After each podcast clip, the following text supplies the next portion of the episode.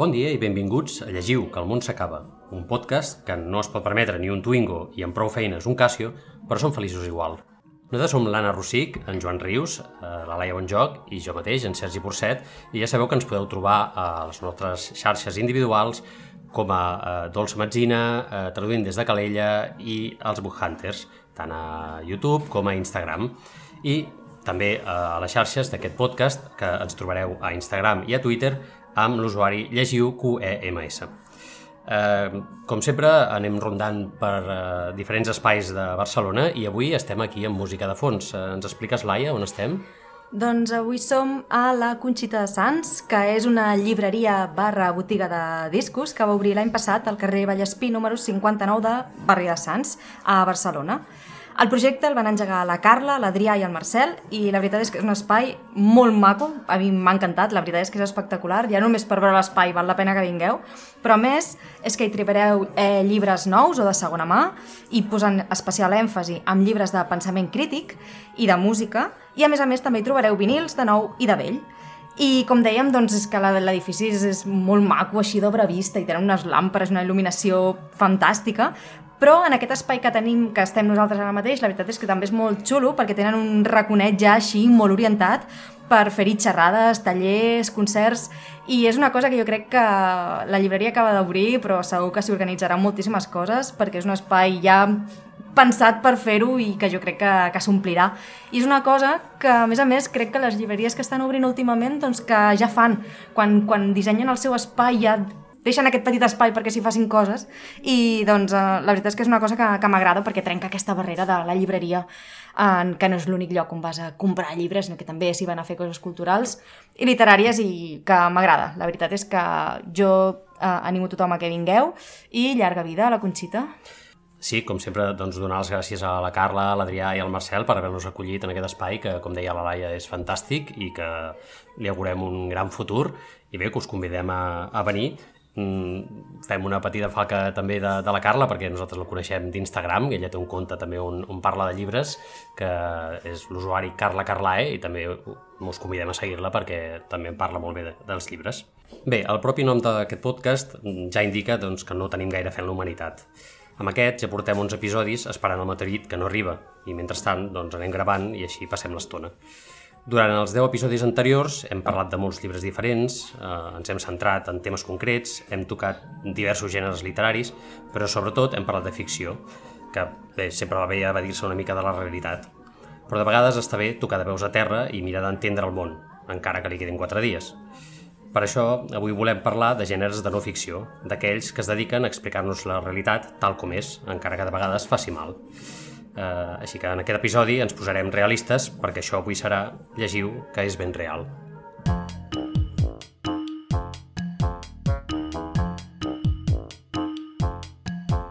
Bé, si us sembla bé, eh, avui començaré jo. Eh, com ja he dit altres vegades, eh, jo sóc lector sobretot de, de llibres de ficció, però de tant en tant també m'agrada llegir una mica de no ficció, sobretot divulgació, i últimament m'he aficionat a això que diuen la investigació periodística, i bé, dels últims anys, doncs, el que més he llegit en aquests eh, camps, diguem, és l'assaig científic i eh, llibres de temàtica feminista. I d'aquest últim tema, diguem, és el que m'agradaria parlar-vos avui una miqueta. Vaig començar a llegir assaig feminista quan vaig ser conscient de, que, bueno, de totes les errades que cometia no, com a home i, i tots els rols que perpetuava jo mateix, no? I bé, parlant amb, amb altres dones, doncs bé, vaig ser conscient de la discriminació flagrant que pateix la dona, també en una ciutat que és pretesament tan avançada com la nostra. Així que vaig decidir revisar-me una mica i bé, doncs els llibres també poden servir per això. I bé, avui m'agradaria explicar alguns llibres que jo he llegit i que m'han ajudat, que crec que m'han fet millor persona, tot i que encara em quedi molt, molt per aprendre i molt camp per córrer, i voldria recomanar sobretot a, a homes que s'atreveixin a llegir aquest, aquests llibres també, perquè ha de servir per, per fer una societat millor i sobretot a homes perquè probablement alguns dels llibres que, que citaré a, a les dones no els explicaran res de nou que també va bé que t'empaquetin tota la informació per tenir-la per ser-ne conscient, no? Però, però bé, segurament aquests llibres poden obrir més els ulls a, a, als homes que no pas a, a les dones. I bé, mm, jo en diré uns quants i m'agradaria, si vosaltres n'heu llegit algun, que, que dieu també la vostra opinió sobre, sobre aquests. i a veure si me'n podeu recomanar algun altre que, que pugui llegir eh, properament. El primer que vull comentar és el Tothom hauria de ser feminista, de la Chimamanda Ngozi Adichie, que va publicar en català Fanbooks i amb traducció de la Sheresade Surià. Bé, és un text molt breu que ve d'una conferència de, de l'autora i que se centra en la submissió de les dones nigerianes eh, davant dels seus marits i la falta de comprensió dels homes eh, d'aquesta dis discriminació que pateixen les dones. És un bon text per iniciar-se, diguem, perquè no, no és que aprofundeixi gaire en el tema, però bé, per iniciar-se en temàtiques feministes, eh, doncs és un bon text eh, inicial, diguem. Jo um, aquest l'he llegit i estic d'acord amb el que deies abans de, de, del llibre, que a mi se'm va fer curt aquest. Crec que és un llibre que, que no, vull dir, no, no aprofundia gaire i, i massa poc, potser pel, pel meu gust. Ja, jo, jo no l'he llegit, sí que és el típic que dius algun dia, però també he sentit altres persones que com la Laia deien que potser és que vas llegint i dius mm, val, no, bueno, no et diu sí, res. és clar, no? Sí. Aquella cosa de com, sí, és clar. Com deies tu, potser sí que però pels homes està bé com a introducció, nosaltres potser ens explica coses que dius, ja, això... Mm. Et sents identificada amb el que explica, però Sí. no... Potser el més interessant és la visió nigeriana, no? El, el, el concepte aquest més cultural de que ella ho emmarca més en la seva cultura i que gairebé és més un xoc cultural que potser més la, el tema més feminista, però ella embranca les dues coses, no? Vull dir que... Sí, he de dir que jo ja el vaig llegir quan ja n'havia llegit d'altres, de, de llibres d'aquesta temàtica, i també se'm va fer una mica curt, però clar, si és el primer contacte que tens amb, amb mm. el feminisme, diguem, doncs segurament eh, t'obre els ulls Comença per força. aquí, no? Sí, és un bon llibre per, per introduir-se en el tema. Un altre que tenim, que també és senzillet eh, de llegir, és Curs de feminisme per microones, de la Natxa Ferrer, que va publicar ara llibres, i aquí ja es tracta una diversitat de temes eh, més ampli, no? Eh, parla de, des de la discriminació fins a la violència masclista i passant per eh, aquesta perpetuació de rols. I a més té la gràcia que està organitzat com si fos un curs amb diferents nivells de dificultat i bé, bueno, ja coneixeu a la Natxa Ferrer, eh, sempre és una persona molt irònica, també en els seus llibres, és un bon manual per tenir una idea general de, de les tesis feministes així en general. Després hi ha un llibre de, amb un títol molt provocador, ja ho veureu, que es diu eh, Jo els homes els detesto, que és de la Pauline Armanys, que va publicar Destino amb, amb traducció de la Mercè Ubach. I bé, eh, aquest títol de Jo els homes els detesto mm, és bàsicament el que em va portar a llegir-lo, no? perquè dic, hosti, això, això haurem de, de veure de què parla. I és un text molt irònic que declara que les dones porten molts segles patint el, el patriarcat i bé, que ja ha arribat el moment de, de deixar de fer-ho, per dir-ho d'alguna manera. Llavors parla del concepte d'androfòbia, que és, diguéssim, odiar els homes, eh, parla també de la síndrome de la impostora, de sororitat, és un llibre honest i és valent, i si, si ets home, diguéssim que s'ha de llegir amb un, la ment una mica oberta, perquè és, és fàcil que et sentis atacat, que és una cosa molt dels homes, no? que de seguida ens critiquen alguna cosa i, i oh, de seguida contestem molt, molt aprendadament i, i com si ens estiguessin atacant i no. O sigui, has d'acceptar també les errades que, que comets. Jo aquest el vaig llegir però no el recordo gaire, he de dir, però em va quedar la idea de que el títol és més provocador que no pas després el, el contingut. Vull dir que no parla tampoc tant no, d'androfòbia. Em sembla que no, que vagin com preparats. No el recordo tant... És d'aquelles coses que vaig pensar, que ben trobat el títol. Crida l'atenció, però que, no? que et crida molt l'atenció, però no recordo que després incidís tant, no? Potser? És una mica clickbait, cert, Sí. però, però sí que en parla. Sí? I sí que va, va fent insistència, però bé, amb, amb els llibres que us vaig dient anem pujant amb intensitat, eh? ja ho veureu. Ah, vale, vale. Mm, Aquest eh, Segueix, segueix, és, és més irònic, diguem, és, és, és així eh, una mica de bon rotllo, però les, les, Les va, va tirant, les va deixant, i sí, sí que parla d'androfòbia bastant, però, però bé, és una persona que comparteix la vida amb un home i tal, i també explica les seves pròpies contradiccions al respecte, cosa que, que està bé. Eh, És un llibre molt curtet també, que, que, que passa bé i que també aprens coses, evidentment.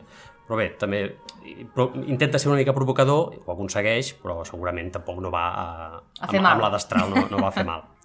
Després tenim un clàssic també, que és eh, Els homes m'expliquen coses, de la Rebecca Solnit, que en català va publicar Angle amb traducció de Marina Espasa, i és el llibre el que s'atribueix a aquest concepte que coneixem com mansplaining, eh, que és aquesta tendència que tenim els homes eh, a donar l'opinió sempre de qualsevol cosa i amb condescendència, eh, sempre eh, com si l'altre en sabés menys que nosaltres.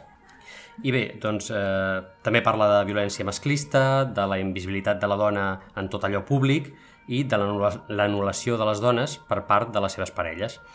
Eh, ja és un llibre molt més complex, aquest ja, diguéssim que no seria per, com, a, com un primer contacte amb el feminisme, però és molt interessant realment. Eh? Mm, explica moltes coses, la Rebecca Solnit doncs, eh, en sap molt. Després hi ha, hi ha un llibre que aquest eh, a mi em va, em va impactar molt i vull comentar-lo perquè realment també és una lectura que, que s'ha de fer quan ja n'has llegit alguns altres, que és el Sempre hem parlat per nosaltres, de la Najat El Hamchi, que va publicar edició 62. I bé, eh, aquí a la temàtica feminista doncs, se li uneix la racialització. La Najat és eh, catalana d'origen marroquí i és molt, molt crítica amb el món musulmà. Considera que la cultura musulmana és masclista i que la religió doncs, redueix a la dona a la mínima expressió i que aquestes esquerres que, que són tan progres i que, que defensen oh, però és, és cultural el tema del vel, sobretot en parla molt del tema del vel, eh, defensen que cadascú que la seva cultura doncs eh, ella declara que no li fan cap favor a la dona i de fet les critica molt i molt.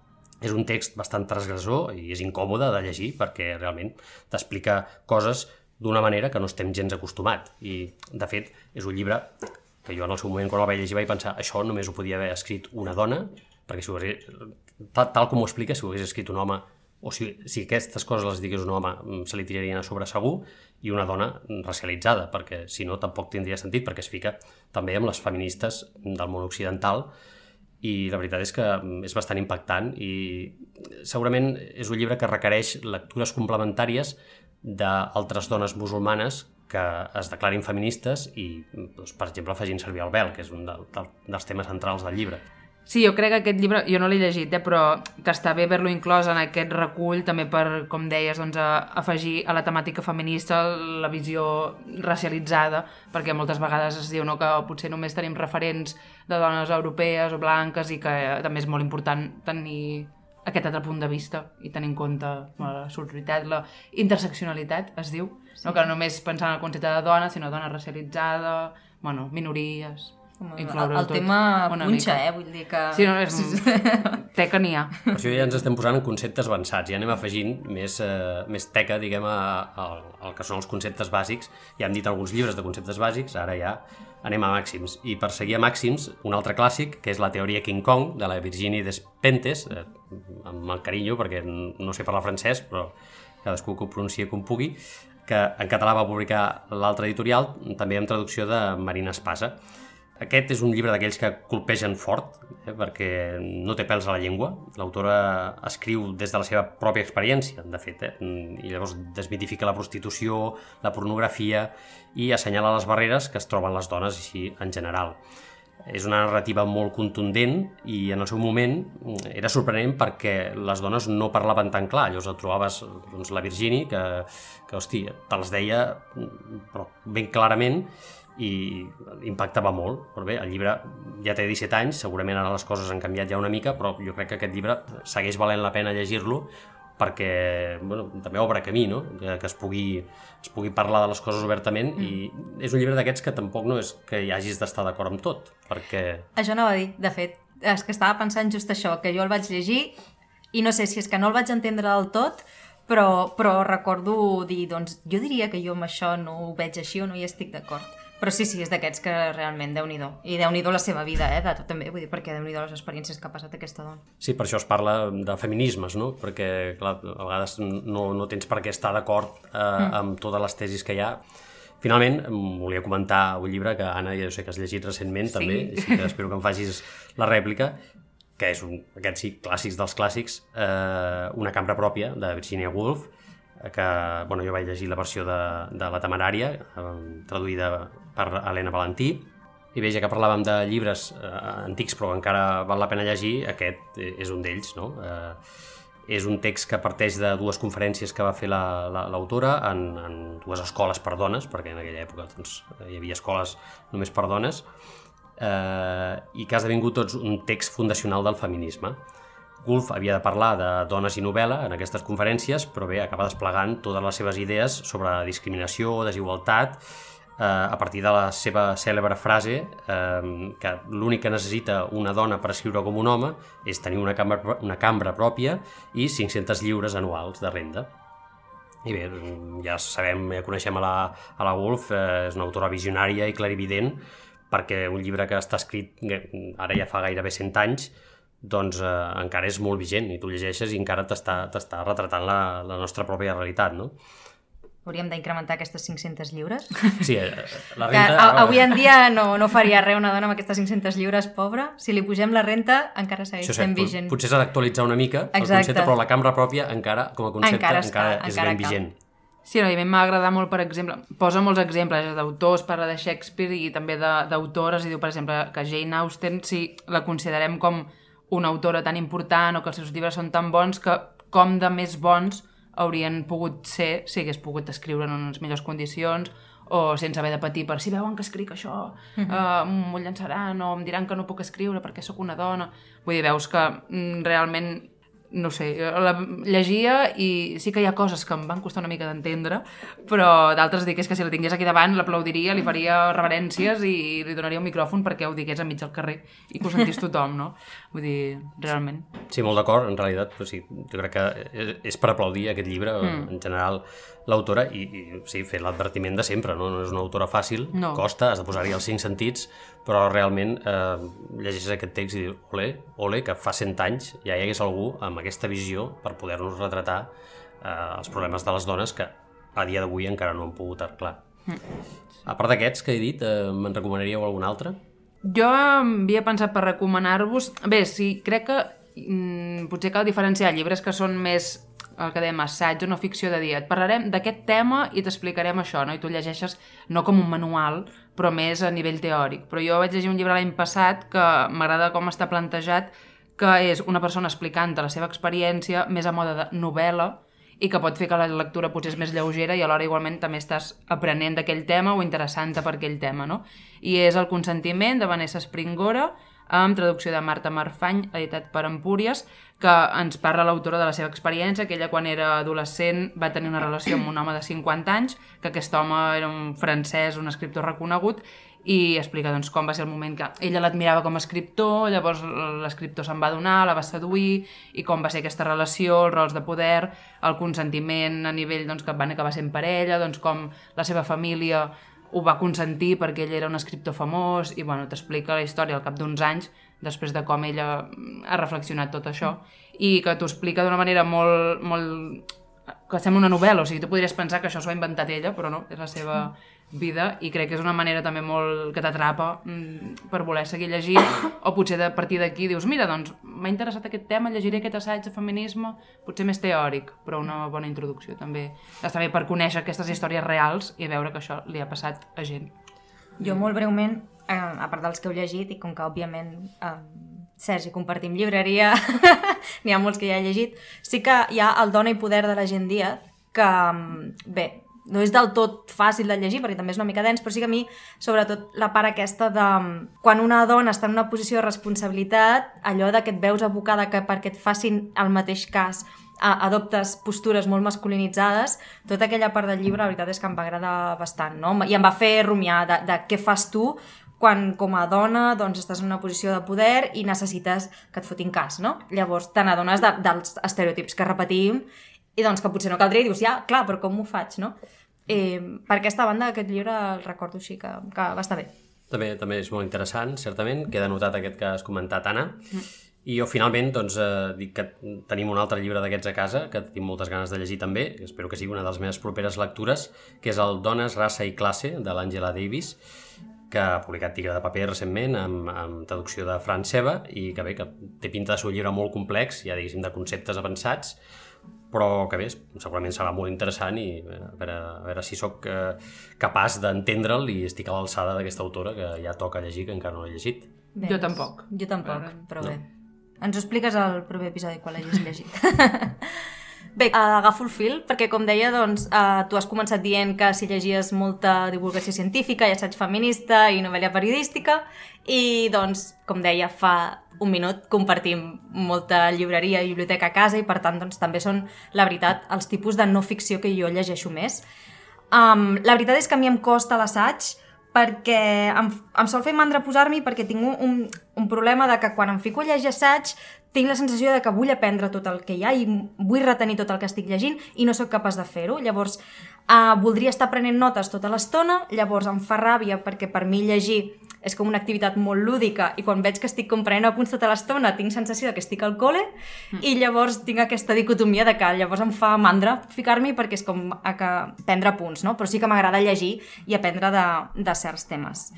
Llavors, com deia, doncs, els dels que ha comentat en Sergi, alguns també els ha llegit eh, al llarg dels últims anys, també assaig científic, doncs, tant com per formació, com perquè també m'agrada llegir alguns d'aquests llibres per després poder-los recomanar, doncs, quan faig xerrades o si tinc alumnes o coses d'aquestes. I, per tant, faré una eh, molt petita falca científica, avui me la permetreu, i doncs eh, us comentaré dos llibres uh, molt breument de, de divulgació científica, que no són els típics que t'expliquen la cèl·lula o l'ADN, sinó que són dos, dos temes que, que jo els trobo molt interessants i que realment mm, podrien ser temes que formin part de llibres de ciència-ficció i, de, i ja veureu que són temes que des de la ciència-ficció uh, s'han tractat molt. Però bé, aquí estem en ficció i per tant són, són llibres de tipus divulgatiu. El primer que us porto és Antropocè, la fi d'un món, d'en Daniel Closa, publicat a Angla Editorial, que no el porto només perquè el títol del llibre encaixi perfectament amb el, títol, amb el títol d'aquest podcast, sinó perquè també és un tema que trobo molt interessant, que, que m'interpel·la molt i que també em preocupa molt. No? L'antropocè vindria, és un terme que no està del tot acceptat encara, però es considera que l'home està participant de tal manera, l'activitat humana està modificant tant el clima, que gairebé podríem dir que estem en una nova era geològica. No? Ara, estrictament, estem en l'Holocè, i això encara no s'ha acceptat, però s'està xerrant, i hi ha grups que volen que s'accepti, de que llavors passaríem a estar a l'antropocè, no? i seria com des de la revolució industrial fins ara. I es parla doncs, de temes que, que sentim molt a les notícies, de, del deute ecològic dels països, no? de que arriba un moment de que crec que ara sol estar sobre l'agost-setembre, ja ens hem eh, arribat al nostre deute ecològic amb la Terra, doncs cada vegada eh, aquesta data es va avançant, sobre l'escalfament global, sobre la sobrepoblació, doncs ja no només de que eh, cada vegada som més milers de milions d'habitants al món, sinó que això comporta problemes doncs de com alimentarem tota aquesta gent i com, no? hi ha tot de debats que darrere de tot plegat que l'autor no és que els plantegi des d'un punt de vista molt catastrofista, però sí que els posa sobre la taula i assumeix doncs, que um, o ens extingim, no? o són temes doncs, que fins que arribi aquest moment que ens extingim, que jo crec que arribarà al moment, esperem, um, esperem.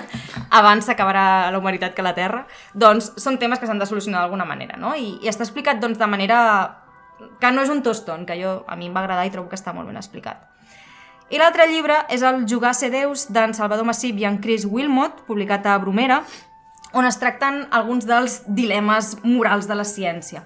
Perquè, diguem-ne que a nivell tecnològic i científic els avenços que s'han fet són brutals i, per tant, diguem-ne que a nivell teòric hi ha moltíssimes coses que es podrien fer, però és hem de fer tot el que som capaços de fer i aquí és on entra tots els temes d'ètica, no? Jo crec que el tema és molt interessant i us donaré alguns exemples que, que veureu, com us deia abans, podrien formar part de qualsevol pel·li, però també perquè com a societat doncs, estaria bé que forméssim part del debat sobre quines coses s'han de fer o no s'han de fer i per tant doncs, estaria bé que sapiguéssim una, no, jo no dic que tinguem aquí carreres en ciència, però que sí que tinguéssim la base per poder decidir també una mica o participar del debat doncs, com a població, no? Doncs, per exemple, algun dels exemples, jo que em dedico doncs, a, a la genètica, doncs, eh, suposo que sabeu no? que avui en dia doncs, per pares potser que volen tenir fills i saben que tenen uh, mutacions que faran que tenen un cert percentatge de que el seu fill pugui tenir una malaltia, es fa el que es diu un diagnòstic genètic preimplantacional. Um, però clar, si en aquest diagnòstic genètic només estan permesos legalment uh, poder fer certes seleccions d'embrions, doncs si això no hi hagués cap mena de filtre, diguem-ne que es podria fins i tot arribar a seleccionar si vols un fill, o vols una filla, o vols que sigui així, o vols que sigui això, no? I és, ho podem fer, i es pot fer perfectament, però s'ha de fer, quines implicacions tindria això, no?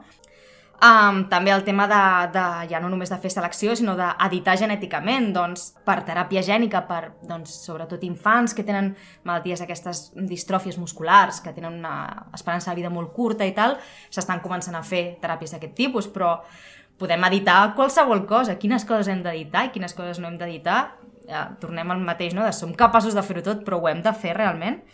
I juga també amb el tema de que els marcs legals en funció dels països són diferents i per tant doncs, la flexibilitat que hi ha i, i per què en uns llocs és d'una manera i als altres d'una altra. I no sé, a mi em resulta interessant, la veritat, i és que llegint alguns dels exemples, ja us dic, podríem... Ja us vindrà al cap algunes pel·lis segur que han, que han estirat del fil d'aquí. I bé, doncs, a, banda d'així d'assaig feministes i científics, doncs és veritat que els últims anys també m'he enganxat això del, del periodisme d'investigació i més que enganxar-me al periodisme d'investigació m'he enganxat a un, una persona que té noms i cognoms, que és Patrick Radinkiv, que no és que li hagi llegit gaire cosa, li he llegit només els dos llibres que ha tret Periscopi a la col·lecció Astrolabi, però m'han semblat llibres brutals.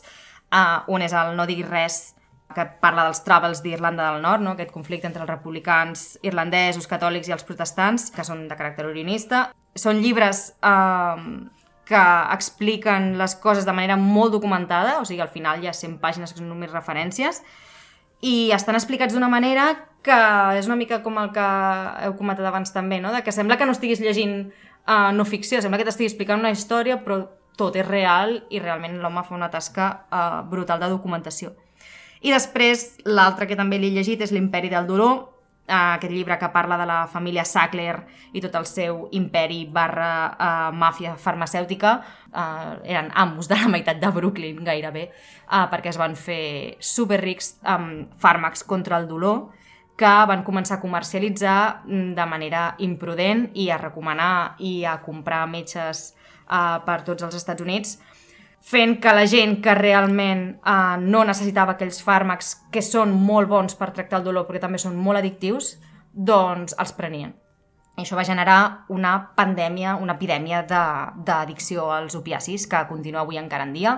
Si busqueu la família Sackler, estan amb litigis encara, vull dir que és uh, un tema que encara és d'actualitat i em va enganxar moltíssim, vull dir, era, és un llibre que, que a mi em va absorbir molt dens, però també em fa molta ràbia això que he dit abans, que volia, voldrien recordar-me de tot el que vaig llegir i no en sóc capaç, hagués pres mil notes, però, però vull dir, no sé, és Home, un tema és un, terrible. És un però... totxo, aquest de l'imperi És un totxo, sí, però vull dir que que, que explica tantes coses que te'n vols en recordar de tot i no me'n recordo, et quedes amb el tòpic general, no? Però que, ostres, hagués pres mil apunts, la veritat. És impossible recordar-ho tot per la quantitat de coses que explica. I clar, digue-li periodisme d'investigació, digue-li novel·la negra, perquè el llibre aquest del Sackler... True crime. Pues, bueno, és true crime del tot, perquè aquesta gent són uns delinqüents eh, Sí, sí. d'anar amb molta cura, diguem, però, però bé, com diu la Laia, llibres molt recomanables i aquest home eh, és un crac, és un crac en aquest gènere perquè t'explica...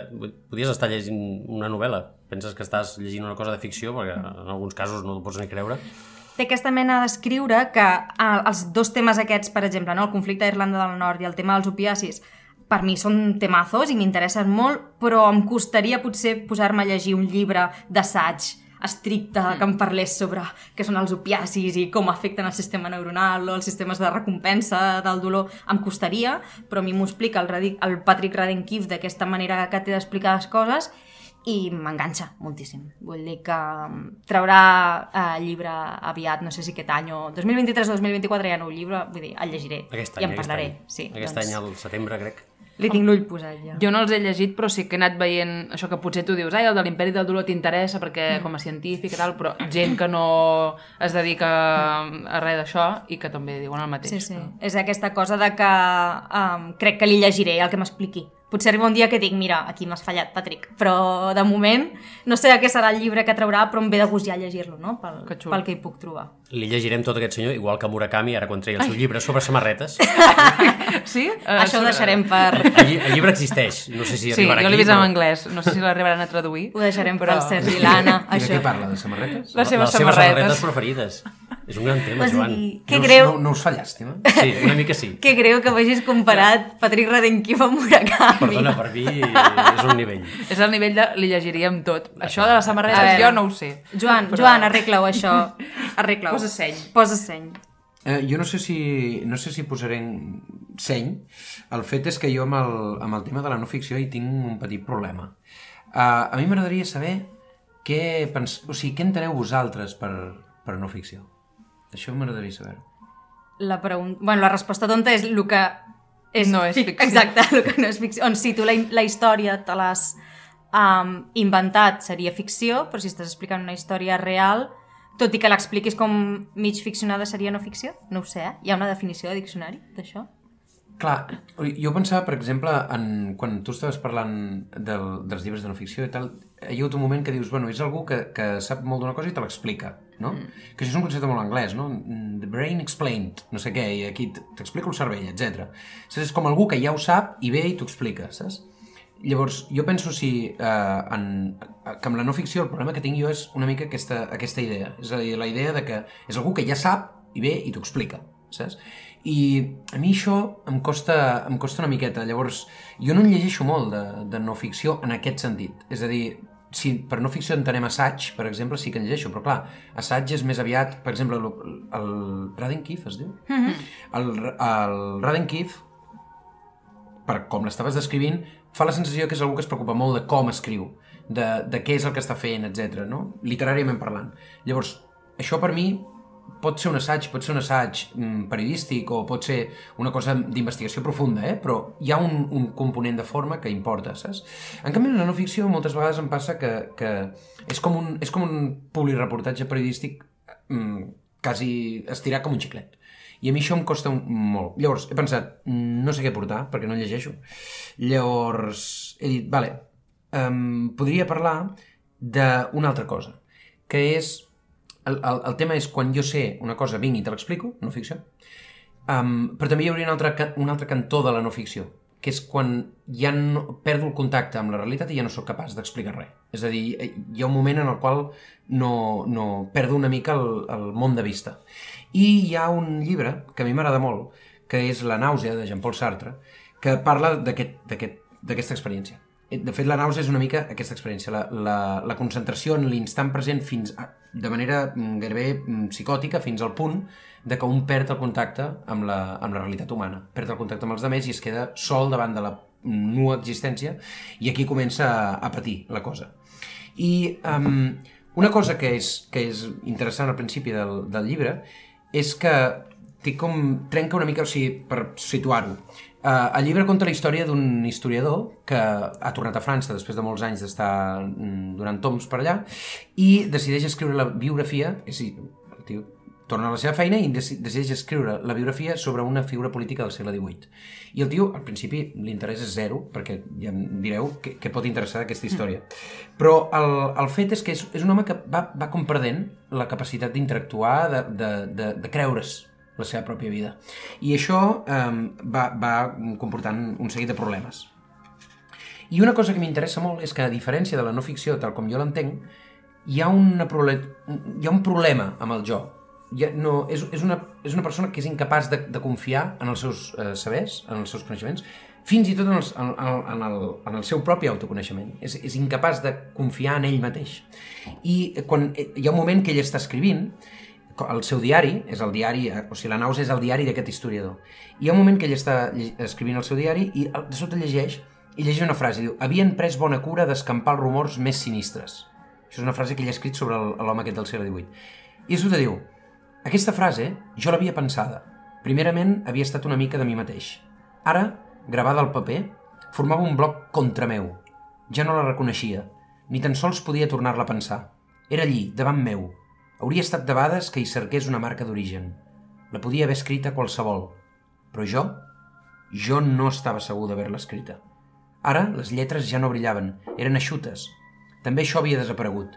Ja no restava res de la seva fima resplendor. I el tio mm, és com que, en realitat, l'estructura és com... És, és gairebé l'estructura típica de la pel·li de superherois, saps? O sigui, ara estic banalitzant molt el llibre, eh? però la, la, el típic superheroi que al principi comença a desenvolupar superpoders però no els té del tot i de sota va, va prenent consciència com de la seva nova condició fins que arriba un punt d'epifania total que és el primer cop que salva, doncs jo què sé, qui sigui. pues és una mica això, eh? és un tio que va per al revés, o sigui, un tio que va perdent la noció de la realitat a poc a poc, va, va com caient en aquesta nausa i, i de sobte un dia té una revelació en, en un tros de fragment que no llegiré perquè si algú vol doncs que, que es casqui llibre. Llavors, el tema és, clar, hi ha tot el rato la, la reflexió sobre els propis pensaments i tot això, no? I hi ha, hi ha una, una manera d'escriure de Sartre que és, precisa, que és com molt, molt, sens, molt sensual. Sap trobar la imatge adequada en cada moment. Hi ha, per exemple, hi ha un moment en el qual parla de que els seus pensaments no s'enfia perquè són massa efímers, són una cosa que, que, que flota, que no, que no s'acaba de posar bé. I diu, Mai no he tingut tan fort com avui el sentiment de no posseir dimensions secretes, de trobar-me limitat al meu cos, els pensaments lleugers que em van pujant de dins com bombolles. Construeixo els records amb el meu present. Sóc un refusat, abandonat al present. Tracto de bades, d'atrapar el passat. No tinc escapatòria. El, el llibre s'ha de dir que no és, no és massa alegre, però eh, té, alguns, té alguns tocs de, de, molta, de molta lucidesa. Per exemple, um, parlant d'això de, que, de que dèiem, no? de ser incapaç de, de confiar ni en les pressuposicions més necessàries per la vida quotidiana normal i corrent, el tio analitza una parella de joves que estan conflirtejant. I hi ha un, un punt mm, de mala llet que a mi m'agrada molt.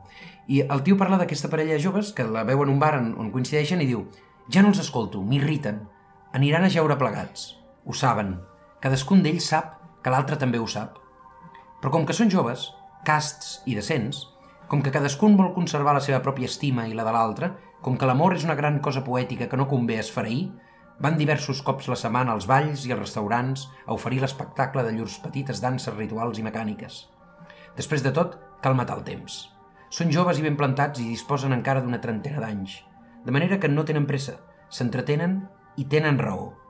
Quan hauran jagut plegats, caldrà que trobin una altra cosa per amagar l'enorme absurditat de llur existència. Tanmateix, és absolutament necessari d'enganyar-se?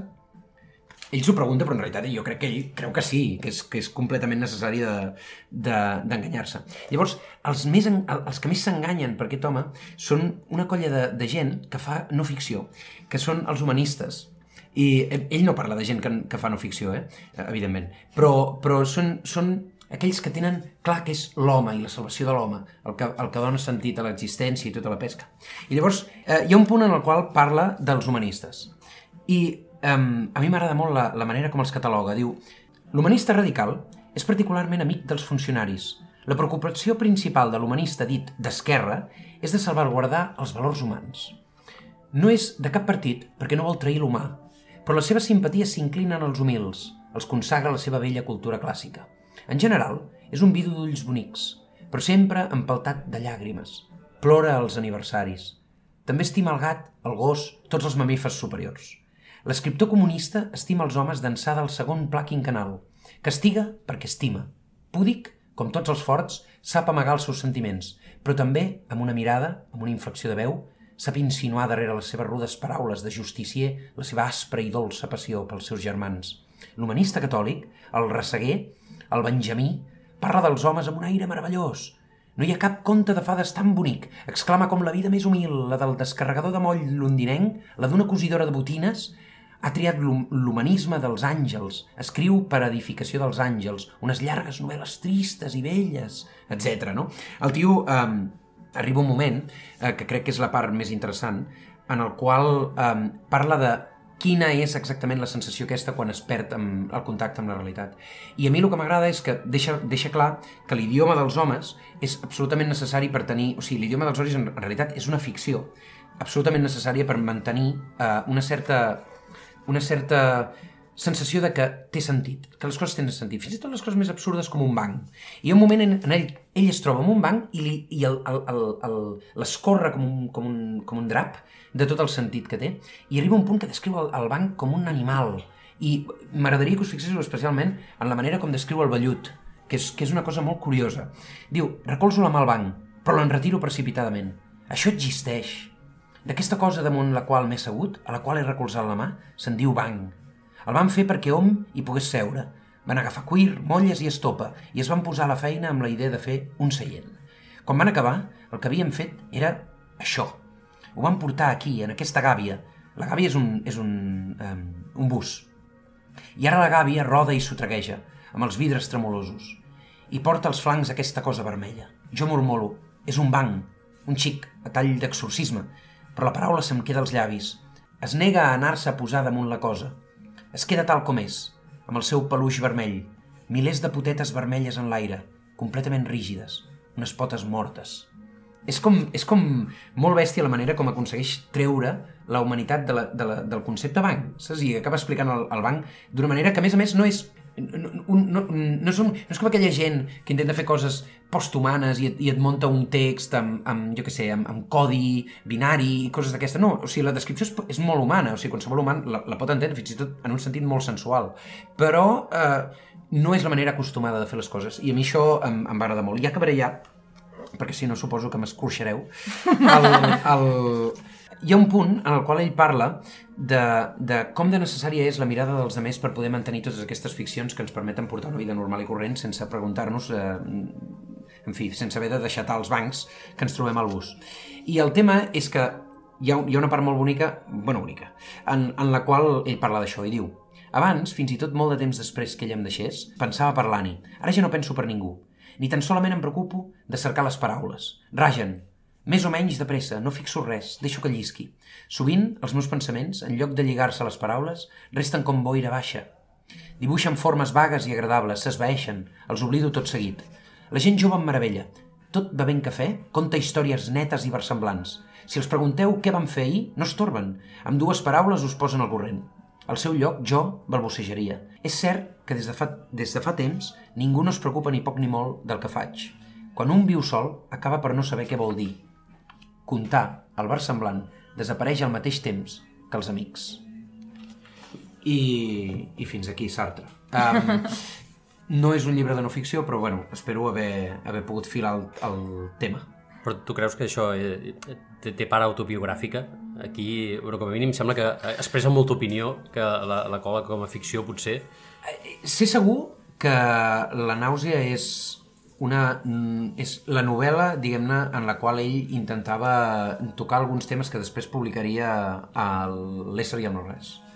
La novel·la és del 36, si no m'equivoco, i l'Ésser i el no res del 43, per tant, hi ha, hi ha alguns temes que toca després en, en obres de ficció. Per tant, és segur que, que moltes de les coses que, que toca i com les toca, ell les pensa, o com les està pensant. Això que dels humanistes, dels joves... Tot, tot, no, això no ho sé tant. No, no, no deixa ningú d'en peus. Aquí. Això no ho sé tant fins aquí. És més la forma, és més la forma i algunes reflexions, però no, no, no sé tant... Eh, clar, ell, eh, això és molt discutit, perquè després té la, la conferència aquella de la qual ell, ell mateix es va acabar empenedint, que és l'existencialisme és un humanisme, i, des, i com fonamentar un humanisme a través de l'individu particular és una cosa molt complicada. Llavors, no, no, no t'ho sabria dir. Però, però el que, sí, el que sí està clar és que de tant en quant segur que deixa anar alguna opinió seva d'aquestes de, de, de, de taverna i la deixa anar, i la deixa anar per aquí, seguríssim. Pobre Sartre. T també dic, també dic que estic... Mm, això de l'humanisme catòlic aquí a Catalunya és molt, és molt habitual. I no dic que, no dic que em sembli ni bé ni malament, uh, n'hi ha de totes, de totes menes però sí que hi ha algun humanista catòlic que, que, que diguem-ne, això de um, predicar els àngels, bueno, jo no sé si ho pensava Sartre, jo en, en el meu cas personal sí que ho penso. No, no de l'humanisme catòlic en general, que, és, que en general no existeix, hi ha gent que el, que el practica en tot cas, però, però sí d'alguns casos. Bé, Anna, tu que ens portes avui? Ara ho deixem amb Sartre. Cap on anem? Jo una part una mica més uh, general, bueno, no anava a dir només, Joan, que mm, em flipa que diguem, avui parlarem de no ficció i tu ets capaç de, de fer això que acabes de fer. De, saltar-me el tema. No, no, de portar-lo al teu territori, diguéssim, igual que jo ara el portaré al meu territori, eh? però digui, uau, molt bé. No, no, em sembla Gràcies. molt bé, perquè al final cadascú, doncs, a la seva... no sé, està molt bé. Um, jo sí, com deia en Sergi, ho porto també al meu territori i parlaré una mica de traducció. Primer de tot, m'agradaria dir que estic molt contenta que diria que tots els llibres que hem recomanat uh, avui aquí han sigut en català i és perquè és que jo crec que el gènere de la no ficció o els llibres de divulgació en general, que ja veureu que també poso alguns exemples de llibres que més aviat divulgació o llibres de temes una mica més genèric, doncs crec que en aquest aspecte encara el català no viu una situació de normalitat o una situació satisfactòria, perquè sí que els últims anys es nota un esforç per traduir, sobretot, o publicar en llengua original en català, sobretot temes com feminisme o temes socials, de tema el clima, política, i aquí m'agradaria destacar especialment la feina que fa l'editorial Tigre de Paper, per exemple, però encara ara quan busquem llibres doncs, eh, de temes més com art, fotografia, guies de viatges, biografies de gent famosa, per això vull dir que mm, ja no ficció sinó temes divulgatius, no? tots aquests... Eh, doncs crec que eh, llibres d'aquests temes en català eh, encara és bastant difícil que els trobem. Crec que són llibres que són molt llegits, o si més no, molt comprats, i que per tant hauríem de poder-los tenir també en català, no? I el dia que això passi podrem dir que vivim una situació de normalitat lingüística, que abans ho dèiem amb la Laia, no? Llibres, per exemple, que dius cal tenir en català el llibre Guinness dels rècords o cal tenir en català la biografia de Steve Jobs? Doncs mm, jo crec que sí, perquè tot, o sigui, jo crec que en català ho hem de tenir tot. Hi ha gent que potser no ho pensa, però jo personalment crec que hem de poder accedir a qualsevol llibre de qualsevol estil, gènere i persona en català. Estic completament d'acord amb tu. A més a més, eh, hi ha... Vaig tenir una, una conversa d'això fa poc, que és que eh, ara s'ha publicat Bukowski a, a l'Hebreu, que és un poeta que, bueno, ara que parlàvem de feminisme, precisament no és... Eh, és, un, és un poeta que, que està en vies de cancel·lació, si no se l'ha cancel·lat ja. Però, i jo crec que en alguns casos amb raó. Però eh, jo defensava que se'l publiqués perquè um, sempre i quan, a veure, jo què sé, vull dir, no, no sé fins a quin punt, vull dir, si Santiago Bascal publica un llibre potser no fa falta que li traduïm, però, però en, en el cas de, de llibres d'autors que puguin semblar-nos relativament eh, cancel·lables o, o que, o, en fi, que, que, que diuen, diuen coses amb les quals la societat actual és difícil que la majoria de, de gent que compartim determinats valors ens hi, ens hi posem d'acord, dit això, jo crec que per què hem de ser una cultura més santa que la resta? És que no Exacte. ho entenc. És a dir, en castellà hi ha molta gent que llegeix Bukowski, jo mateix llegia molt quan era adolescent, ara llegeixo menys, no dic que l'hagi deixat de llegir al 100%, hi ha coses d'ell que m'agraden, però ja sé que és un, és un autor que potser hi ha altres coses a publicar que jo publicaria abans que Bukowski, però per què el català s'ha de, de purificar d'aquesta manera? I de... O sigui, no, jo vull, jo vull merda Tot, en català. que tot- Sí, sí. jo vull Sí, abans subtítols dèiem. simultanis amb el Sálvame. O sigui, Reality vull... show, Exacte. sí, sí, tot. Vull un, un... És com... O sigui, vull i no vull. O sigui, vull per després ballar-me. No sé si m'explico. Exacte. O sigui, Vols per rajar després. Exacte. Vull rajar en català de programes merda en català. O sigui, Exacte. ex- exactament. Vull un... un... I això jo crec que, que era una, anava una mica per aquí, no? El que Sí, deies. exacte. Que els catalans ens mereixem llibres dolents, també. Exacte. Està bé. No som elitistes, volem llibres dolents, també. Ens mereixem una llengua. Ens mereixem una Exacte. Capaç de llibres dolents i bons. I mitjos. Exacte. Per cert, ara has esmentat l'editorial Tigre de Paper, que és cert que fa molta feina en, en la publicació d'assaig eh, en català i diversos gèneres de no ficció.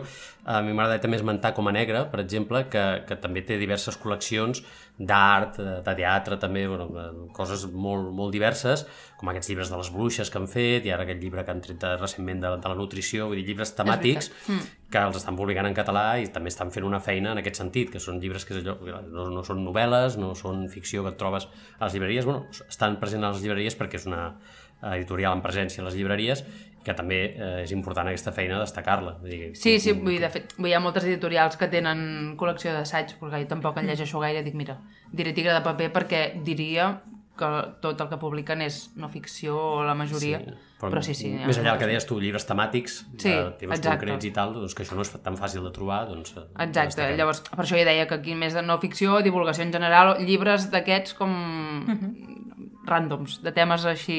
Llavors, sí que crec que un factor que pot fer que aquests llibres no estiguin en català és que, si ens imaginem, el llibre de Guinness dels rècords, no? és un llibre molt gruixut, eh, de tapa dura, amb moltes fotografies en color, papers brillants, vull dir, són llibres que llueixen molt i això mm, és car de fer. Llavors, potser hi ha editorials que ni es plantegen traduir aquests llibres per el cost econòmic que pot comportar, no? però sí que crec que segurament hi ha editorials que es poden permetre traduir aquests llibres i a recuperar la inversió per alguna altra banda. Llavors, per posar dades sobre la taula, dades una mica d'estar per casa, però dades, ahir vaig fer una excursió, vaig anar a una llibreria cèntrica de Barcelona, d'aquestes que dius una llibreria gran, que a part de llibres hi pots comprar moltes altres coses, i vaig fer una mica de recompte de llibres en català d'uns temes concrets. Val? No he apuntat les xifres en aquí en el nostre guió per ara dir-les en directe i sorprendre-us. Reaccionant Eh, a... sí.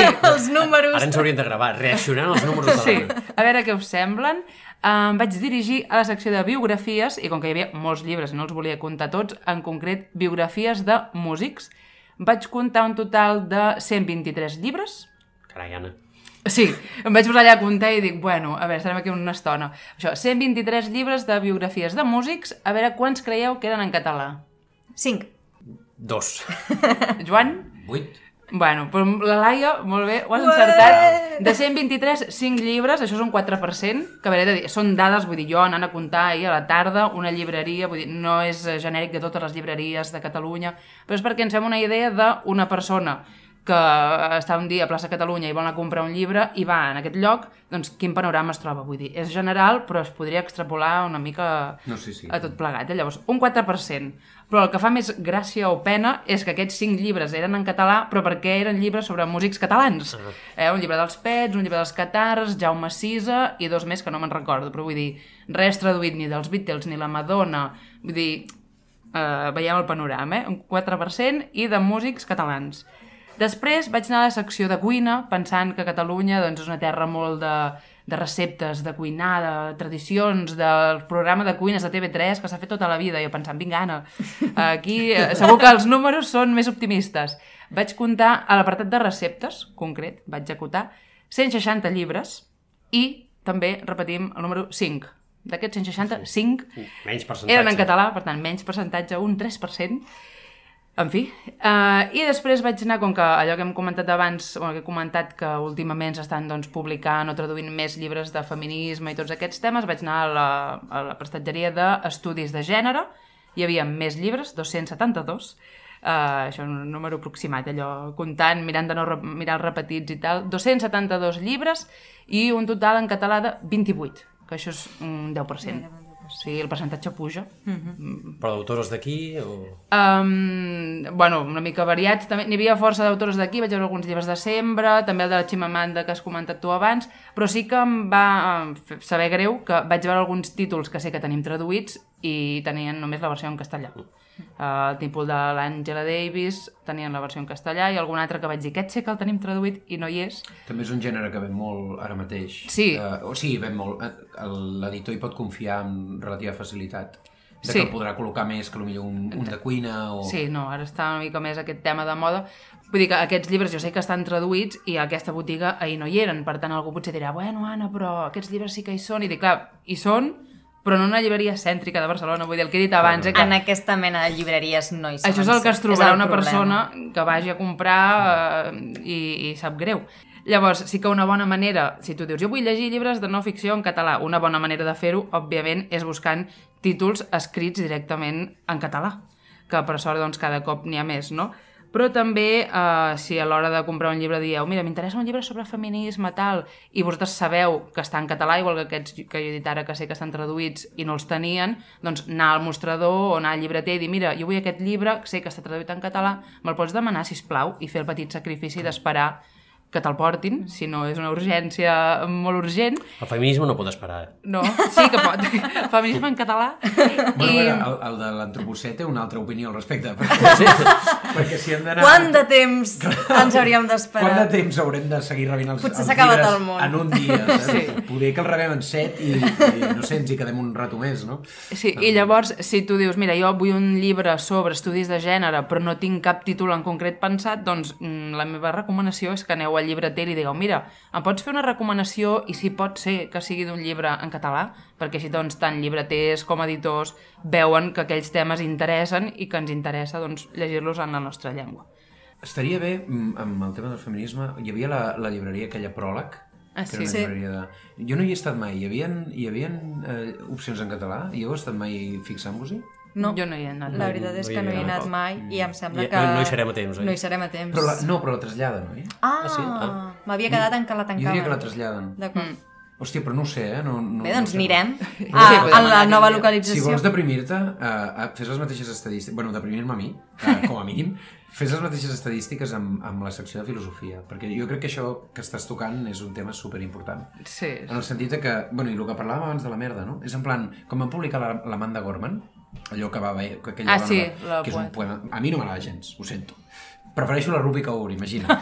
um, vale, d'acord, public... o sigui, està bé que ho publiquis i tot això, saps? Però, però estem lluny de... O sigui, fins i tot uh, publicant molta merda encara ens quedaria... Sí, sí, sí. Diguem-ne, molt de marge, perquè és que hi ha... Hi ha Molts llibres bons que És que hi ha àmbits morts. O sigui, completament morts. El de la filosofia és pràcticament mort. Jo l'altre dia parlava amb un editor de filosofia i hi ha gent que, que fa, ho fa tot, perquè si no ho fes tot, no, se, no es podria. O sigui, ho han de fer tot per poder normalitzar una mica el- el- l'idioma. Sí, ho dic perquè abans s'ha dit això de volem merda, sí, volem merda, però també volem coses bones. Sí, no, Sí, no, i que, clar. evidentment... I volem estem tot. I que la situació que descrius és, és molt forta. Clar, que he parlat de biografies de músics i no estic dient Clar, que les biografies això. de músics siguin merda.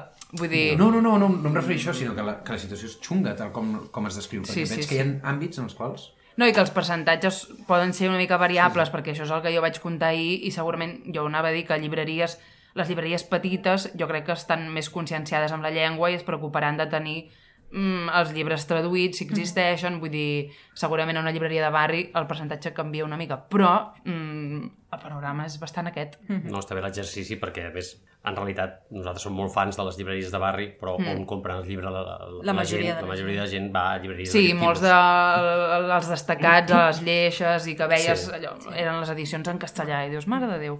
Ara que jo et diria, Joan, que no han vist a l'Anna contar els llibres de filosofia, home, vés i tu. No, què penses que no els he contat? Sí, sí, sí aquest és el problema. Volem els números. Cada, cada, cada vegada, o sigui, li deia, amb la, la, vull dir, hi ha la confiança, la, la, la, li deia en, en plan broma, perquè, ja, a més, crec que no és la primera vegada que ho parlo.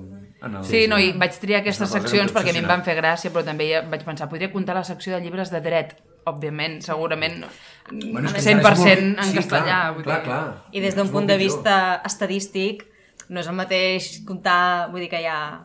Tens una mostra molt representativa, Anna. lo La meva científic enhorabona. també. Sí, lo científic també. Amb ciència també dir, passaria. Amb ciència Amb també ciència passaria. és terrible, o Amb sigui- ciència també Pues passaria. llibres acadèmics, no? que Sí. segurament... Bueno, i jo ara afegiré aquí una altra petita, una part final a la meva secció sobre traducció, i és que com vam decidir que avui parlaríem d'aquest tema, vaig pensar que podria ser interessant parlar amb algun traductor que hagi traduït tant ficció com no ficció, per saber si a nivell doncs, de feina de traducció doncs, hi ha diferències o no sé una mica com és aquest procés. I he pogut parlar amb l'Anna Llisterri, i m'ha dit algunes coses que crec que, no sé, poden valer la pena de comentar o es poden semblar curioses. La primera, i amb la que podríem acabar ràpid, eh, és que això depèn, no? Que eh, potser un dia et toca traduir un llibre de no ficció amb un llenguatge molt planer i que no té cap complicació, i en canvi un dia estàs traduint una novel·la i de cop hi ha un personatge que et parla d'un tema que et quedes... Mm, doncs mm, ni idea, no? I has de començar allò a fer recerca enmig d'una novel·la quan no t'ho esperaves. Però si deixem de banda el, el depèn, doncs sí que hi ha un parell de coses que, que em va comentar l'Anna Llisterri que, que són curioses. Una és que els llibres de no ficció acostumen a ser més lents de traduir i això és perquè acostumen a ser llibres doncs, de text seguit, no? text, text, text i, pàgines de, de paràgrafs i de text i en canvi a les novel·les hi ha els diàlegs que, que són parts d'un llibre que es tradueixen bastant més fluides, més de pressa, una intervenció d'un personatge, doncs la rèplica et ve una mica més bastant de manera automàtica, o també hi ha molts els va dir, va dir, i que a nivell de ritme de traducció són molt més lents de traduir els llibres de no ficció d'assaig. També em va comentar l'Anna doncs, que evidentment hi ha una gran diferència amb els llibres si es té en compte el destinatari, no? perquè hi ha llibres dirigits a un públic més general, el que dèiem de la divulgació científica, i d'altres més acadèmics. I en aquest cas de, el dels llibres més acadèmics sí que potser seria interessant que el traductor eh, doncs ja tingui informació, ja tingui domini una mica d'aquell tema o passi unes hores abans de posar-se a traduir documentant-se. Ja no tant per si la traducció quedarà millor o pitjor, vull dir, al final eh, el traductor s'hi posa i, té el text original i va fent la seva feina i segur que se n'acabarà sortint, no? sinó perquè pel patiment d'ell mateix a l'hora de fer la feina, no? perquè si mi ara em donguessin un llibre de física quàntica, dius, "Mm, potser ho puc acabar traduint i queda bé i s'entén, però patiria una mica allò que dius, per què he acceptat fer aquest encàrrec? I a part que segurament trigaràs molt més i no t'acabaran sortint els números, no?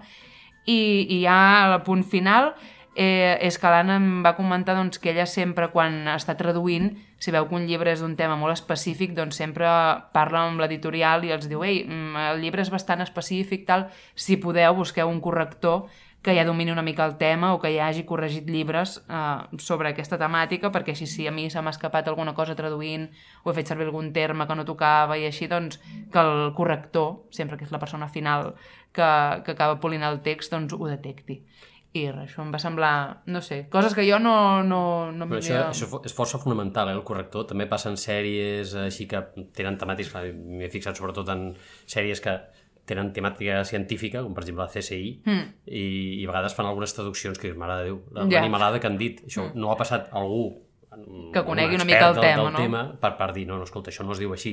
Vull dir, tu has fet una traducció com t'ha sortit, però d'això el traductor fa tota una feina, però cal que, que després allò tingui un sentit per la, la gent, diguéssim, que entén del tema. Sí, jo a la uni vaig fer una assignatura de traducció científica i el nostre professor ens ho deia que una novel·la, no, tu vas fent, veus si s'entén, si no s'entén, però traducció científica, per exemple, una proposició mal posada, potser estàs dient una cosa totalment... Diferent, no? Clar, del revés, i va dir, és molt important dominar el tema, perquè clar, una cosa sobre salut o ciència o un experiment de tal, pots estar dient una cosa totalment del revés i sí, sí, són temes que...